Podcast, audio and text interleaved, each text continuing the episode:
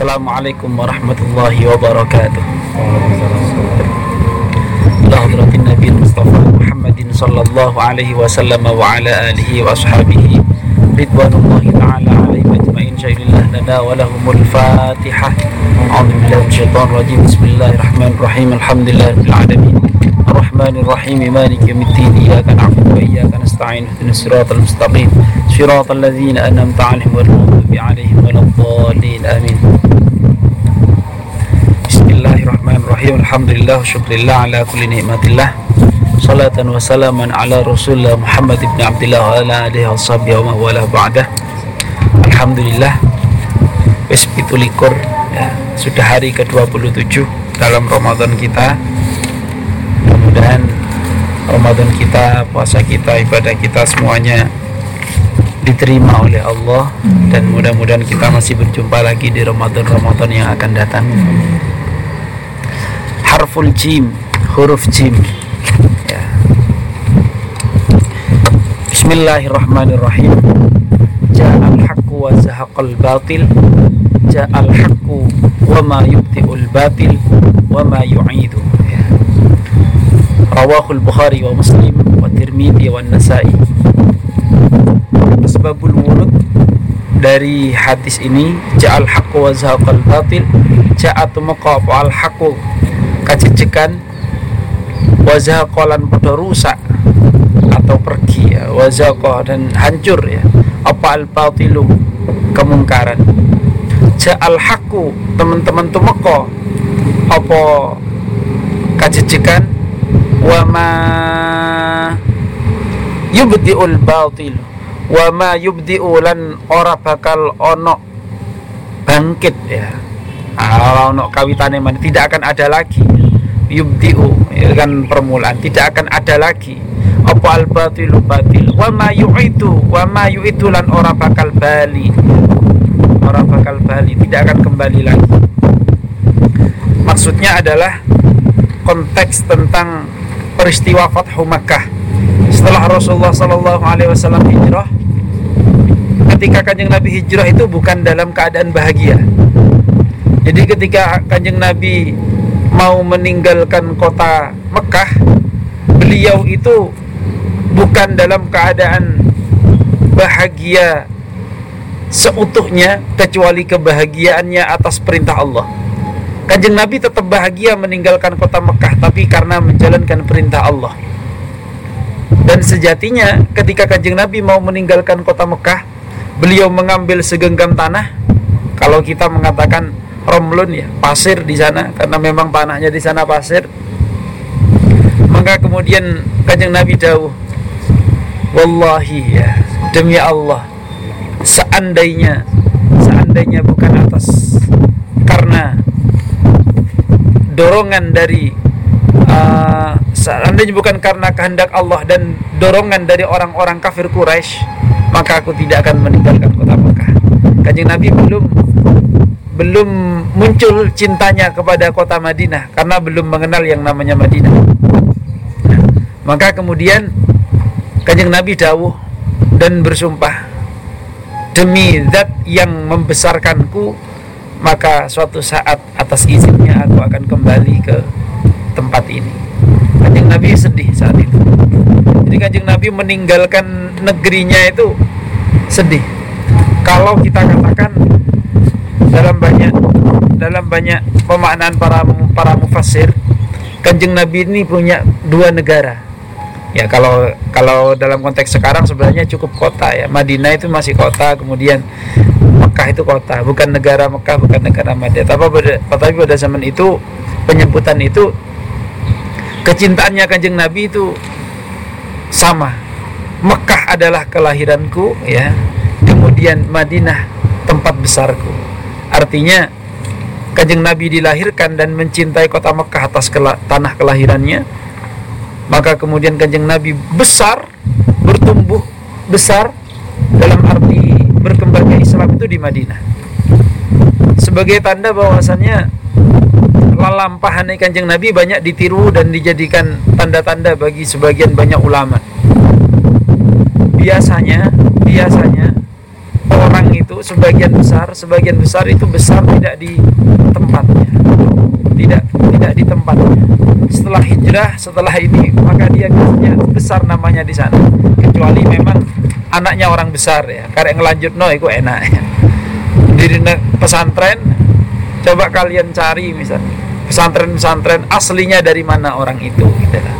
sang pendiri-pendiri itu. Rata-rata mereka adalah besar karena nah kemudian hal ini juga menunjukkan ngerti hubbul waton minal iman. Iku sakjane itu hadis ya itu hadis. Periwayatan hubbul waton minal iman itu yang kita gunakan itu sebenarnya bukan hadis. Itu min atharis sahabah min atharil ulama ya. namun kemudian saking penai saking penai dan kemudian kanjeng nabi memang melakukan itu bahwasannya kanjeng nabi itu sangat cinta terhadap tanah kelahirannya. Tanah kelahirannya kanjeng nabi itu sangat dicintai. Sangat sangat cinta. Makanya kita memang pantas. Kita pun juga cinta pada tanah kelahiran kita gitu lah. Sing lahir Jember ya fanatik Jember. Yang lahiran Banyuwangi ya fanatik Banyuwangi. Yang lahiran Cirebon ya fanatik Cirebon. Akan tetapi kemudian kanjeng Nabi juga memiliki tanah yang dibanggakan juga yaitu tempat beliau berkarya dalam hal ini. Dalam tempat beliau besar dalam hal ini. Nek sampean koyok ngene iki yo aku yo seneng Banyuwangi tapi aku ya seneng Arema misalnya kayak gitu ya. Ya karena mungkin kalian besar di sini memiliki banyak pengetahuan dan wawasan di sini misalnya kayak gitu. Dan itu pantas. Nah dikatakan haqqo karena pada saat kanjeng Nabi meninggalkan kota Mekah ini semuanya banyak banyak yang mengincar kanjeng Nabi untuk kematiannya kanjeng Nabi. Tapi kemudian ketika kanjeng Nabi kembali kembali ke kota Mekah orang-orang di Mekah ini pada bingung waduh Muhammad wis teko pasukannya akeh saiki gak kira ngalah no dewi maka kemudian setiap kanjeng Nabi lewat di kota itu suasananya sunyi gitu padahal rumah banyak. Maka kemudian kanjeng Nabi merasakan itu berdiskusi dengan malaikat Jibril. Berdiskusi dengan kanjeng Nabi kalau malaikat Jibril. Maka kemudian mengumpulkan orang-orang penting yang dalam dalam barisannya kanjeng Nabi kemudian suruh menyebarkan ke kota Mekah terlebih dahulu. Dengan mengatakan seperti yang saya terangkan kemarin di uh, waktu saya online hari Valentine-nya orang Islam itu yaitu al yaum yaumul marhamah kata kanjeng Nabi. Hari ini adalah hari kasih sayang. Ya. bukan 14 Februari nggak tahu tanggal biru saya mencari Fathu Makkah. Karena waktu itu dianggap Muhammad akan balas dendam. Akan mencari orang-orang yang dulu memusuhinya. Tapi ternyata hari ini hari kasih sayang. Hari ini hari kasih sayang. Bukan untuk berperang. Saya datang untuk bukan untuk berperang saya datang bukan untuk berbalas dendam tapi saya datang dengan cinta dan saya mau beribadah kepada Allah menuju Baitullah ke Mekah itu ya. Maka itu dikatakan ja'al haq semenjak itu kanjeng Nabi menyatakan bahwasanya Mekah ini akan menjadi kota yang selamat ya. Maka kemudian istilah haromain muncul dari situ. Dua tanah mulia haromain. Haram itu artinya mulia haram itu artinya mulia sebenarnya. Dari dari unsur bahasa. Kalau bukan berbicara hukum ya haram. Makan ini haram. Ya, bukan. Haram dalam hal ini adalah mulia. Haromain berarti dua tempat yang mulia. Dan dua tempat mulia ini nanti tidak akan didatangi oleh Dajjal. Mekah dan Madinah. Mekah dan Madinah. Karena ja'al haqqa wa zahaqal batil ini kebatilan di sini tidak akan terjadi dalam maksud artinya juga nanti Dajjal tidak akan masuk kota Mekah dan kota Madinah. Kalau kebatilan-kebatilan adamiyun ya ya tetap aja ada ya. Tetap aja ada. Namun secara umum Mekah dan Madinah ini menjadi kota yang selamat ya, menjadi kota yang selamat. Dan insya Allah akan terjamin keislaman. Rawahul Bukhari ya Muslim. Jalisul kubara Jalisu podo lelungguan sira al kubara kelawan wong kang podo gede Gede maksudnya dalam arti uh, bangsawan ya Bangsawan Kubara di sini maksudnya bukan gede-gede uh, badannya toh, tapi kebangsawanan. Artinya apa? Bergaullah kamu dengan orang-orang yang berpikir besar, jika kamu ingin menjadi orang besar ya. bertemanlah kamu dengan pemikiran orang yang memiliki pandangan dan pemikiran-pemikiran yang besar jika kamu juga ingin bercita-cita punya pandangan-pandangan yang besar. Lek nih sampean pikirannya Malang Raya ya pikiranmu Malang Raya tentang Malang Raya maka kamu berkumpullah dengan orang-orang yang memang pemikirannya adalah Malang Raya bukan sekedar bukan sekedar mikir RT netok nah gitulah jadi maka saya katakan tempo hari ketika kalian orientasi bahwasannya anda ini di tempat ini kita memikirkan Indonesia bahkan dunia. Kenapa? Kalian pulang ini jangan bu cuma bercita-cita jangan cuma bercita-cita pingin benak no pingin benak no atau memperbaiki nasib dirimu sendiri. Itu terlalu rendah bagi kita. Bagi orang Islam santri pisan terlalu rendah hanya hanya mengejar cita-cita kesuksesan pribadi. Kenapa? Orang yang dicita-citakan dan diidam-idamkan oleh Islam itu sendiri menurut kanjeng Nabi adalah bukan orang yang hanya memiliki kemauan hirsun, kemauan keras terhadap dirinya sendiri aja. Wah, aku pingin pingin gini, pingin gini. Jangan berdasarkan aku. Aku itu letakkan. Kalau kamu pingin besar, akunya letakkan. Artinya apa? Keakuanmu itu kebesarannya suatu saat itu bukan karena akunya tapi karena Islamnya karena Allahnya. Maka cita-cita kalian itu bukan bukan oh akhirnya aku sukses bisa begini. Bukan begitu. Tapi kamu tidak akan pernah mencapai mencapai uh, kepuasan secara pribadi dari keakuannya itu, kesombongannya itu. Jangan ada, hilangkan itu. Sehingga kamu punya pandangan bahwasannya ya, aku mau menolong Allah ya. Bukan berarti Allah itu lemah butuh ditolong, bukan. Sejatinya kalau kita menolong Allah adalah sedang menolong diri kita sendiri gitu Ini ini unsur jangan dipolitisi bahasanya ya. Jangan dipolitisi bahasanya. Kalau mempolitisi bahasa kalah nanti saya. Karena begitu juga ada orang, oh Islam tidak perlu dibela, sudah Allah yang bela. Bukan yang itu maksud saya. Artinya siapa pun yang membela Allah, yang membela agama Allah, maka sebenarnya dia sedang membela diri sendiri, sedang menolong dirinya sendiri. Maka kalian bercita-citalah minimal berpikir berpikir panjang, wah bangsaku Indonesia misalnya. Bangsaku Indonesia. Karena kalian nanti pulang itu macam-macam. Setelah pulang dari sini ini Makanya di Unisma ini harus orang yang benar. Kalau bukan orang yang benar nanti yang bakal jadi ngisi pengurus besar Nahdlatul Ulama 10 tahun, 20 tahun yang akan datang itu sopo gitu lah. Siapa? Ya paling tidak kita. Kita-kita ini adalah orang-orang yang uh, berpikir ke sana, yang berpikir ke sana. Bukan karena aku ingin jadi pengurus besar Nahdlatul bukan, tapi setidaknya harus diisi oleh orang yang benar di sana. Maka kita harus membenarkan posisi kita ya. Jalisul kubara bergaulah dengan orang-orang yang berpikir besar. Nah, pikiranmu ojo mung ojo ming aku aku pingin ngenetok tapi bagaimana bahwasannya uh, saya harus berada saya harus mengisi saya harus ikut bersama untuk membesarkan sesuatu yang besar. Bukan sekedar aku pingin sukih aku pingin sukses bukan itu tok ya. Wasailul ulama. Wasailu lan podo takono al ulama amarang ulama. Bertanya itu kepada ahlinya. Ulama itu dalam hal ini adalah alim. Orang yang alim ya. Dalam hal ini. Kalau konteks konteks sufi ya ulama itu wong sing uh,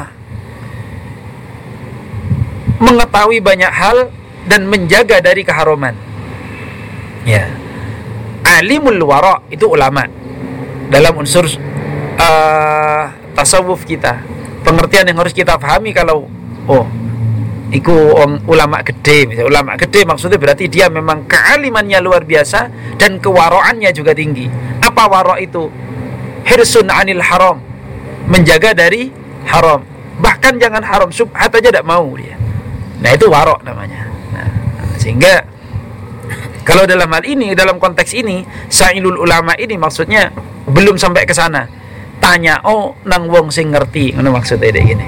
Nggak sampai pada konteks ulama yang saya maksud tadi. Artinya sesuai dengan bidangnya. Kalau kamu tanya tentang perkara agama ya takono nang ulama sing ngerti tentang agama.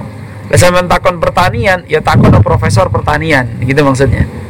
Maka kemudian saya teringat pada hadis kanjeng Nabi yang lain.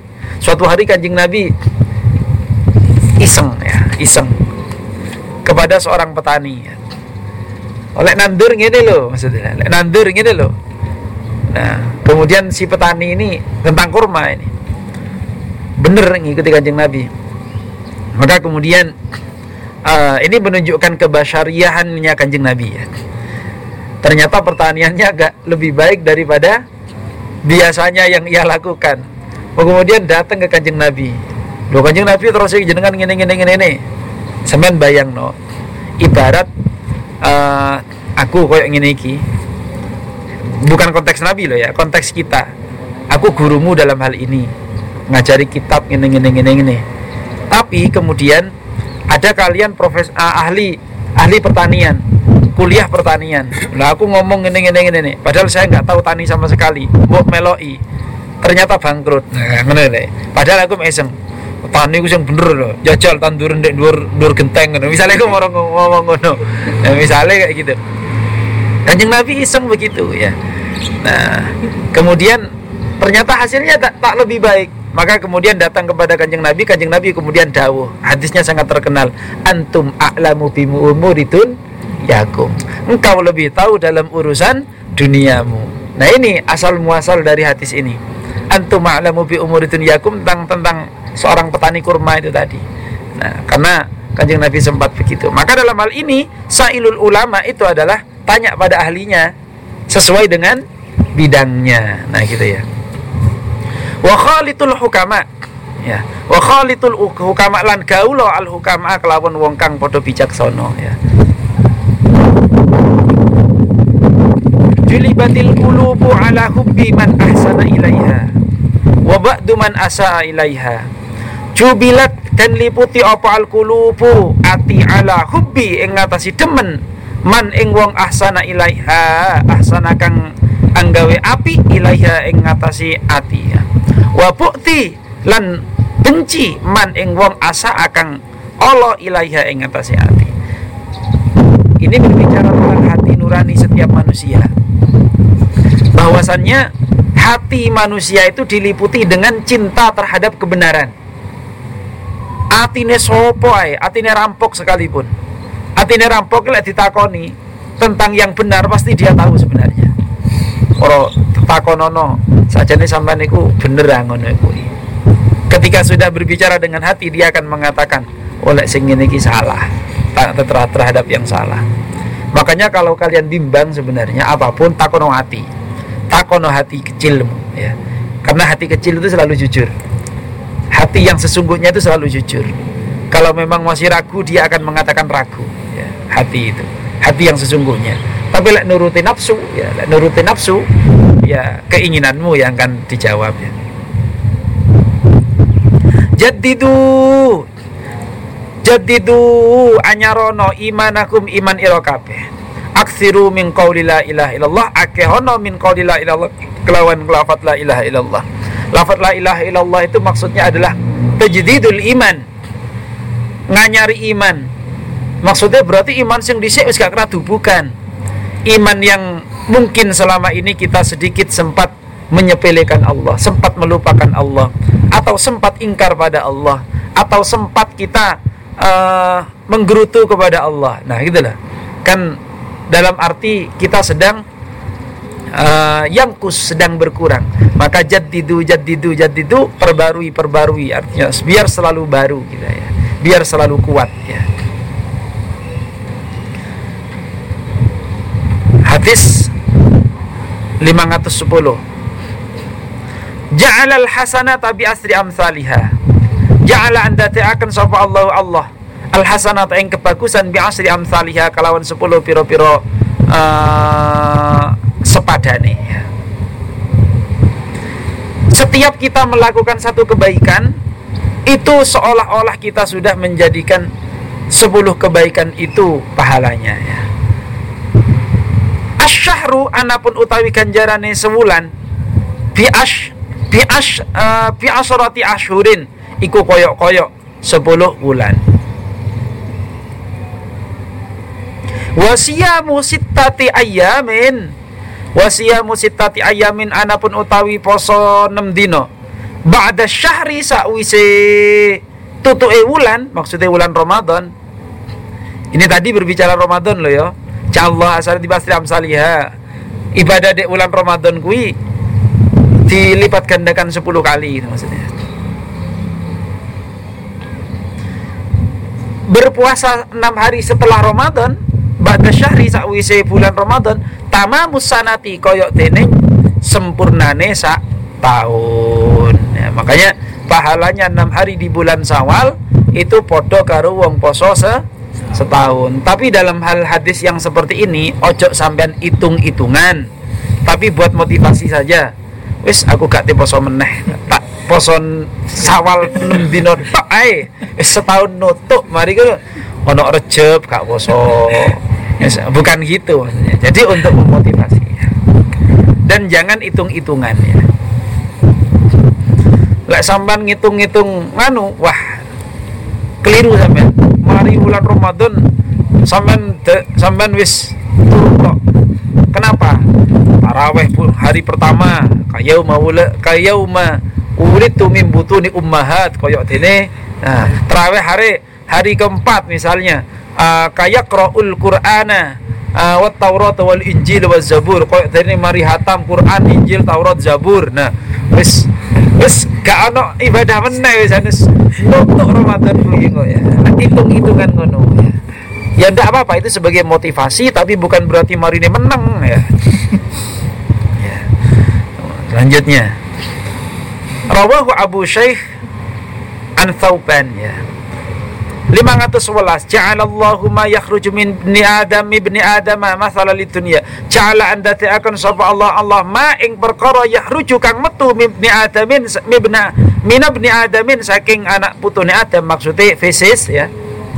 Perkara sing metu toko anak putune Adam itu masalan dadi perumpamaan lid dunya kanggone dunya. Nah gitu pangeran iku ndadekno dunya kuwi bondo dunya kuwi koyok-koyok eh, masalah ini perumpamaannya koyok-koyok barang sing metu toko anak putune Adam gitu fesis gitu loh berarti aduh opo rek? Kok ngubur-ngubur dunya sampai semono nih podo karo ngubur fesis gitu loh rek. Ngono lho padane kayaknya iku lek artinya Allah memberikan perumpamaan terhadap hal yang hina itu loh tidak malu. Ya supaya kita benar-benar supaya kita itu benar-benar uh, terpucuk terhadap dunia ya.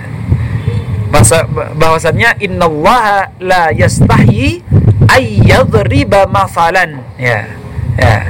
Tidak malu untuk membuat suatu perumpamaan ya. julasa Allah. Ya itu ya.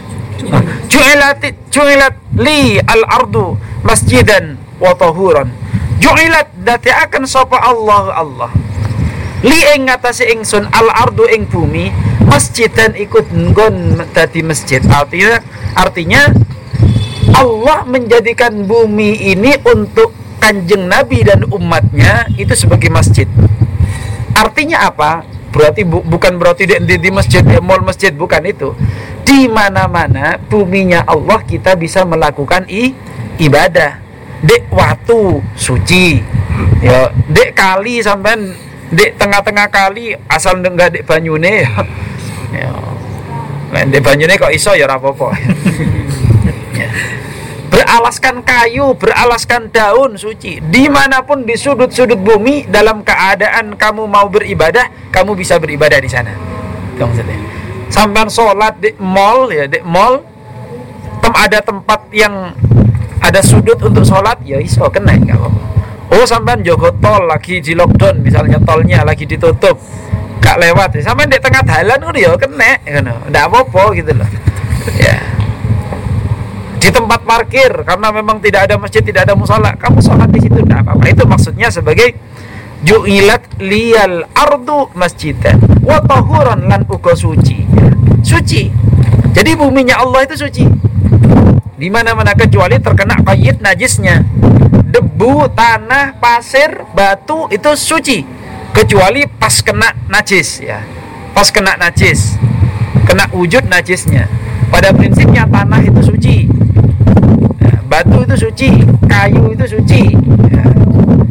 Segala sesuatu yang tidak ada kait untuk menajiskan bendanya, maka itu suci. Nah, jadi apa pun lek gak ono sing garak no najis berarti suci. Benda apa pun, wis sampean sebutno. Dari segala macam benda. Seng misalnya, oh suci, suci. Karena tidak ada kait yang membuatnya najis. Daun suci, batu suci, alat-alat yang kamu gunakan, piring misalnya, cowek teko apa? Watu suci, cowek teko tanah suci, cowek teko sih ya no? piring piring teko seng suci. Piring teko kertas kertas suci. Ya semuanya suci sebelum terkena sesuatu yang bisa membuatnya najis. Nah ini loh. Julasa Allahi ahlul warai wa zuhdi fid dunya. Julasa Allah julasa Allah majlise pangeran mengko ghadan besok ing dino kiamat gitu maksudnya. Artinya majelis yang memang nanti akan menjumpai Allah yaitu ahlul wara wong kang ahli wara. Wazuhdi lan wong kang zuhud fit dunya ana ing dunya. Apa wara itu? Wara tadi sempat saya simbol sempat saya sampaikan wara itu ngerakso saking haram. Az-zuhud az-zuhud ini zuhud ini juga menjauhkan diri dari yang tidak dibutuhkan. Ya. Anu mati. Oh hemat baterai ya. Ya gak apa-apa. Fit dunia semangsane ana ing dunya ya.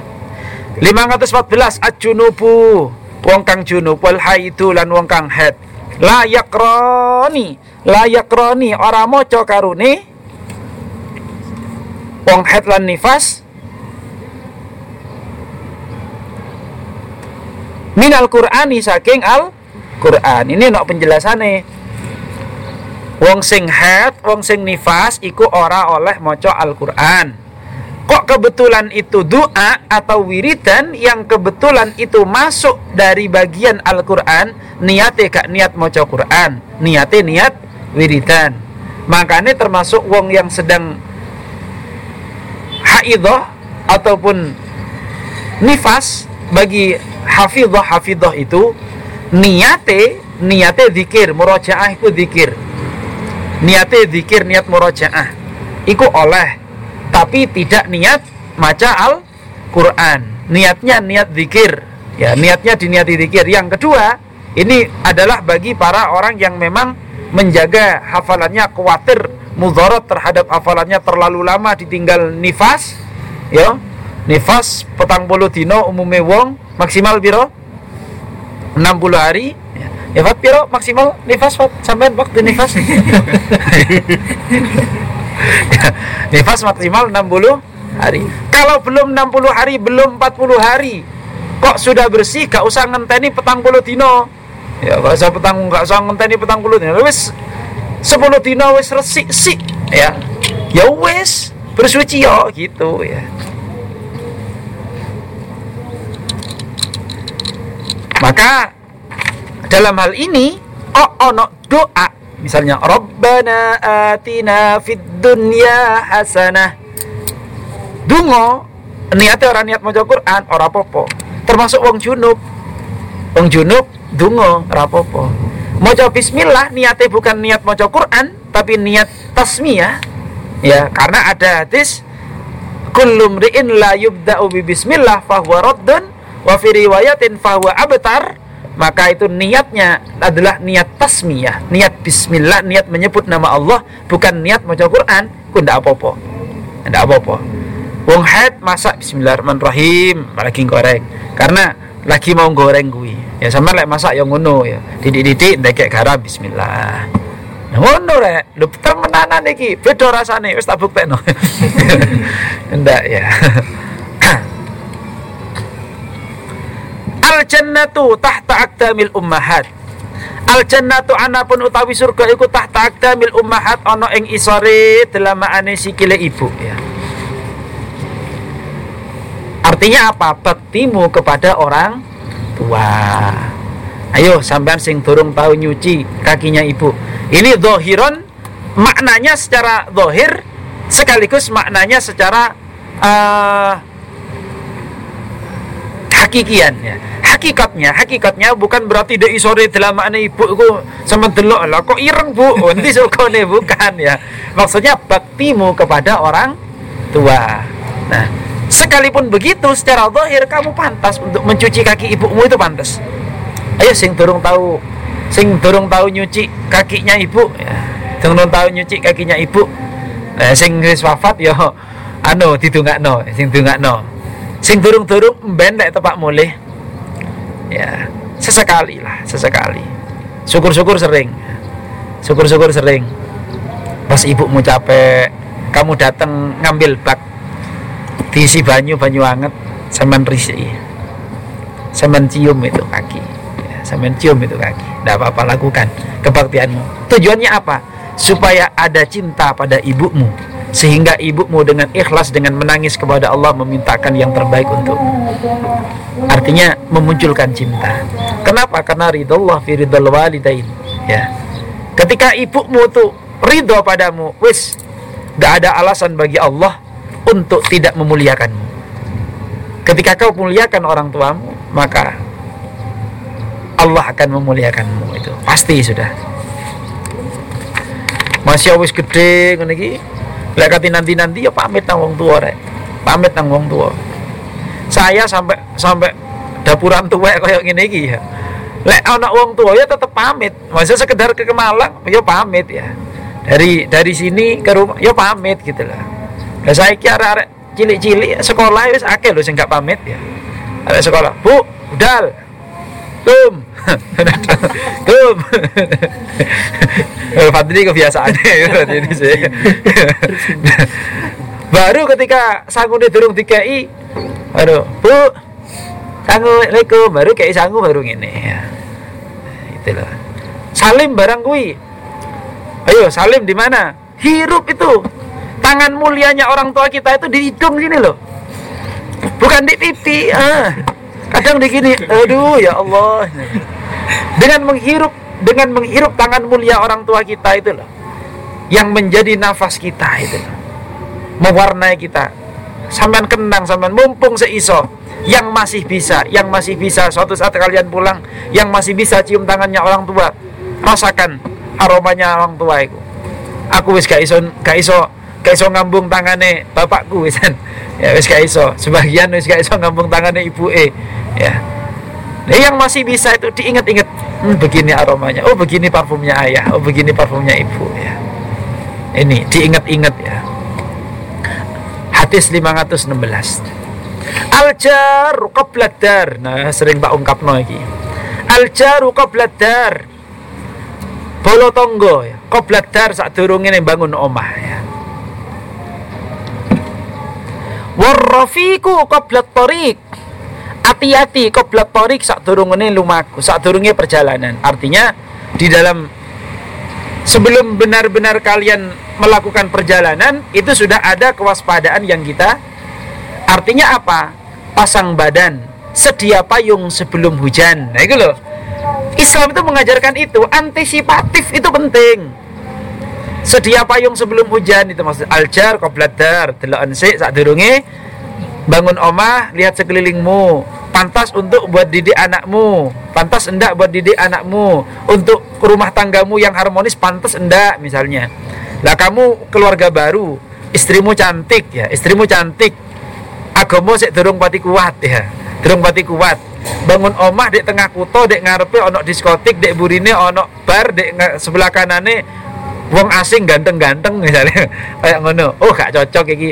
Gak cocok gak cocok gak situ bangun do omah dek gini misalnya kayak gitu. Warrafiqu qabla tariq. Warrafiq rifki itu kan hati-hati. Kehati-hatian sebelum perjalanan. Ya. yang ketiga azadu qabla rahil. Azad apa zat Be bekal sangu ya. Qabla rahil. Saat turunge bebudalan perjalanan ya sama ya tapi bedanya torik dengan dengan rahil itu kalau kalau rohil itu perjalanan yang memang butuh tantangan ya. Kalau torik itu jalan, jalan-jalan itu ya.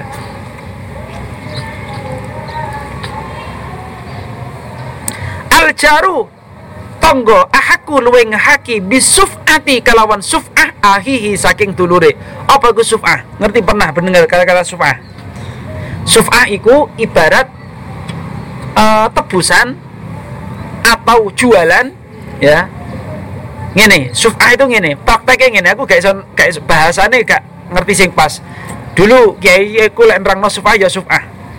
Tapi prakteknya ngene coro sampean duwe tegal. Ki omahmu ki tanggamu ki tanggamu.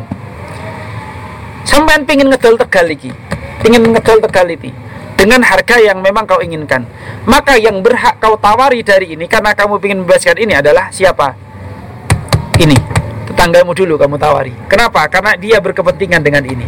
Ojo mero mbok nang wong sing uh, punya uang kemudian bikin pabrik di sini, bikin tinggi kemudian tetanggamu bermasalah dengan hal ini. Atau kamu mau pergi, mau pergi rumahmu, rumah ini yang pantas untuk kau tawarkan pertama kali adalah tetanggamu. Begitu ahlaknya kajeng Nabi. Ketika sesuatu yang uh, tetanggamu itu memiliki kepentingan terhadap hal tersebut maka dia terlebih dahulu memiliki hak terhadap sum'ah terhadap suf'ah yang kamu miliki ini atau pembebasan-pembebasan tanah itu juga suf'ah ya namanya atau perselisihan gini aku berserikat dengan uh, siapa? Fikri. Fikri. Saya berserikat dengan Fikri. Angon uh, mendirikan pabrik katakan pabrik tertentu kemudian saya mau mundur saya mau mundur kemudian hak saya ini mau saya jualkan misalnya saya 50% Fikri 50% 50% saya mau tak kasih tadi misalnya tidak begitu kalau memang saya mau mundur dari bisnis ini maka yang saya tawari terlebih dahulu yang harus memahami terlebih dahulu Fikri. Karena teman se ini tidak tiba-tiba saya langsung ke Fikri ke ke Teddy boleh saya ke Teddy tapi dia harus faham terhadap saya mau ke Teddy Fikri harus harus faham. Oh nanti suf'ah saya dengan Fikri dan dengan Teddy nah ini harus faham. Jadi yang paling berhak terlebih dahulu adalah Fikri. Sebelum ke Teddy paham ya termasuk benda-benda di kamarmu ya. Benda-benda di kamarmu. Tirkah ya. tirkah itu tinggalan yang mati ya. Tirkahmu ketika mau boyong ya. Tirkahmu ketika mau boyong ya lek pondok-pondok biasanya punya lemari punya apa gitu ya. Berhak kamu tawari terlebih dahulu teman kamarmu ya. Eh iki tak dol gak tak gomule gelem mas sampean tuku. Ya lek gak gelem tak tawakno nang konjok kenang konco kamar. Gak wis mbak tawakno gak popo lek misalnya sampean iki tak iki tak tawakno nang koncoku konco kamar liya oleh ha apa katanya mbok ganteni dhewe? Misalnya kayak gitu. Itu yang paling berhak adalah temenmu temen sekamarmu terlebih dahulu ya. Misalnya temen kak temen liyo konco kamar uh, kamar liyo gelem iki 5 juta. Kamu gelem gelem 5 juta misalnya. Lek sampean mek gawe-gawe ya ojo. Ojo. Saking supaya dituku sak juta mek kancamu jangan. Itu jenenge padha karo hati sak durung kuwi. Nyumpai dagangan. Ya bener akan akan laku daganganmu akan tetapi akan memutus terhadap pertemananmu. Ya. Wis ya. Sampai di sini huruf jim mudah-mudahan selama Ramadan ini ada keberkahan dari dari ilmu kita oleh Allah uh, dan mudah-mudahan yang kita baca ini dan mendapatkan kebahagiaan juga kepada at-ta'lif muallif hadal kitab Syed Ahmad Al-Hashimi rahimahullah taala dan mudah-mudahan kita mendapatkan ilmu yang disebarkan uh, oleh Allah melalui para malaikat, para nabinya dan kemudian yang melalui al-muallif hadal kitab Sayyid Ahmad Al-Hashimi rahimallahu taala lahumul Fatihah.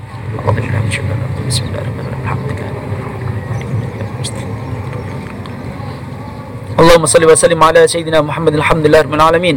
Allahumma barik lana fi Ramadan wa ba'da Ramadan. Allahumma sallimna fi Ramadan wa ba'da Ramadan. Allahumma barik lana fi Ramadan wa barik lana fi ba'da Ramadan. Allahumma barik lana اللهم بارك لنا في كل شيء أعطيتنا اللهم بارك لنا في علومنا وبارك لنا في رزقنا وبارك لنا في كل شيء أعطيتنا وبارك لنا في تلاميذنا وبارك لنا في في تعلمنا ومعلمنا اللهم بارك لنا في كل شيء أعطيتنا ربي يسر ولا تعسر ربي تمم علينا بالخير ربنا اغفر لنا ذنوبنا وتب علينا إنك أنت التواب الرحيم ربنا آتنا في الدنيا حسنة وفي الآخرة حسنة وقنا عذاب النار صلى الله على سيدنا محمد وعلى آله وصحبه وبارك وسلم. والحمد لله رب العالمين.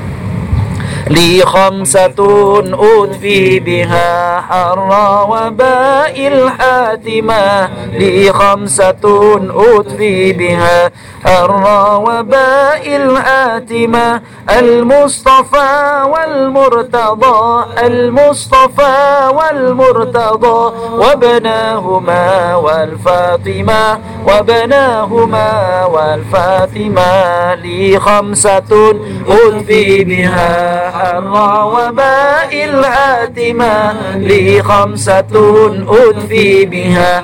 حر وباء الآتمة المصطفى والمرتضى. المصطفى والمرتضى وبناهما والفاطمة. وبناهما والفاطمة.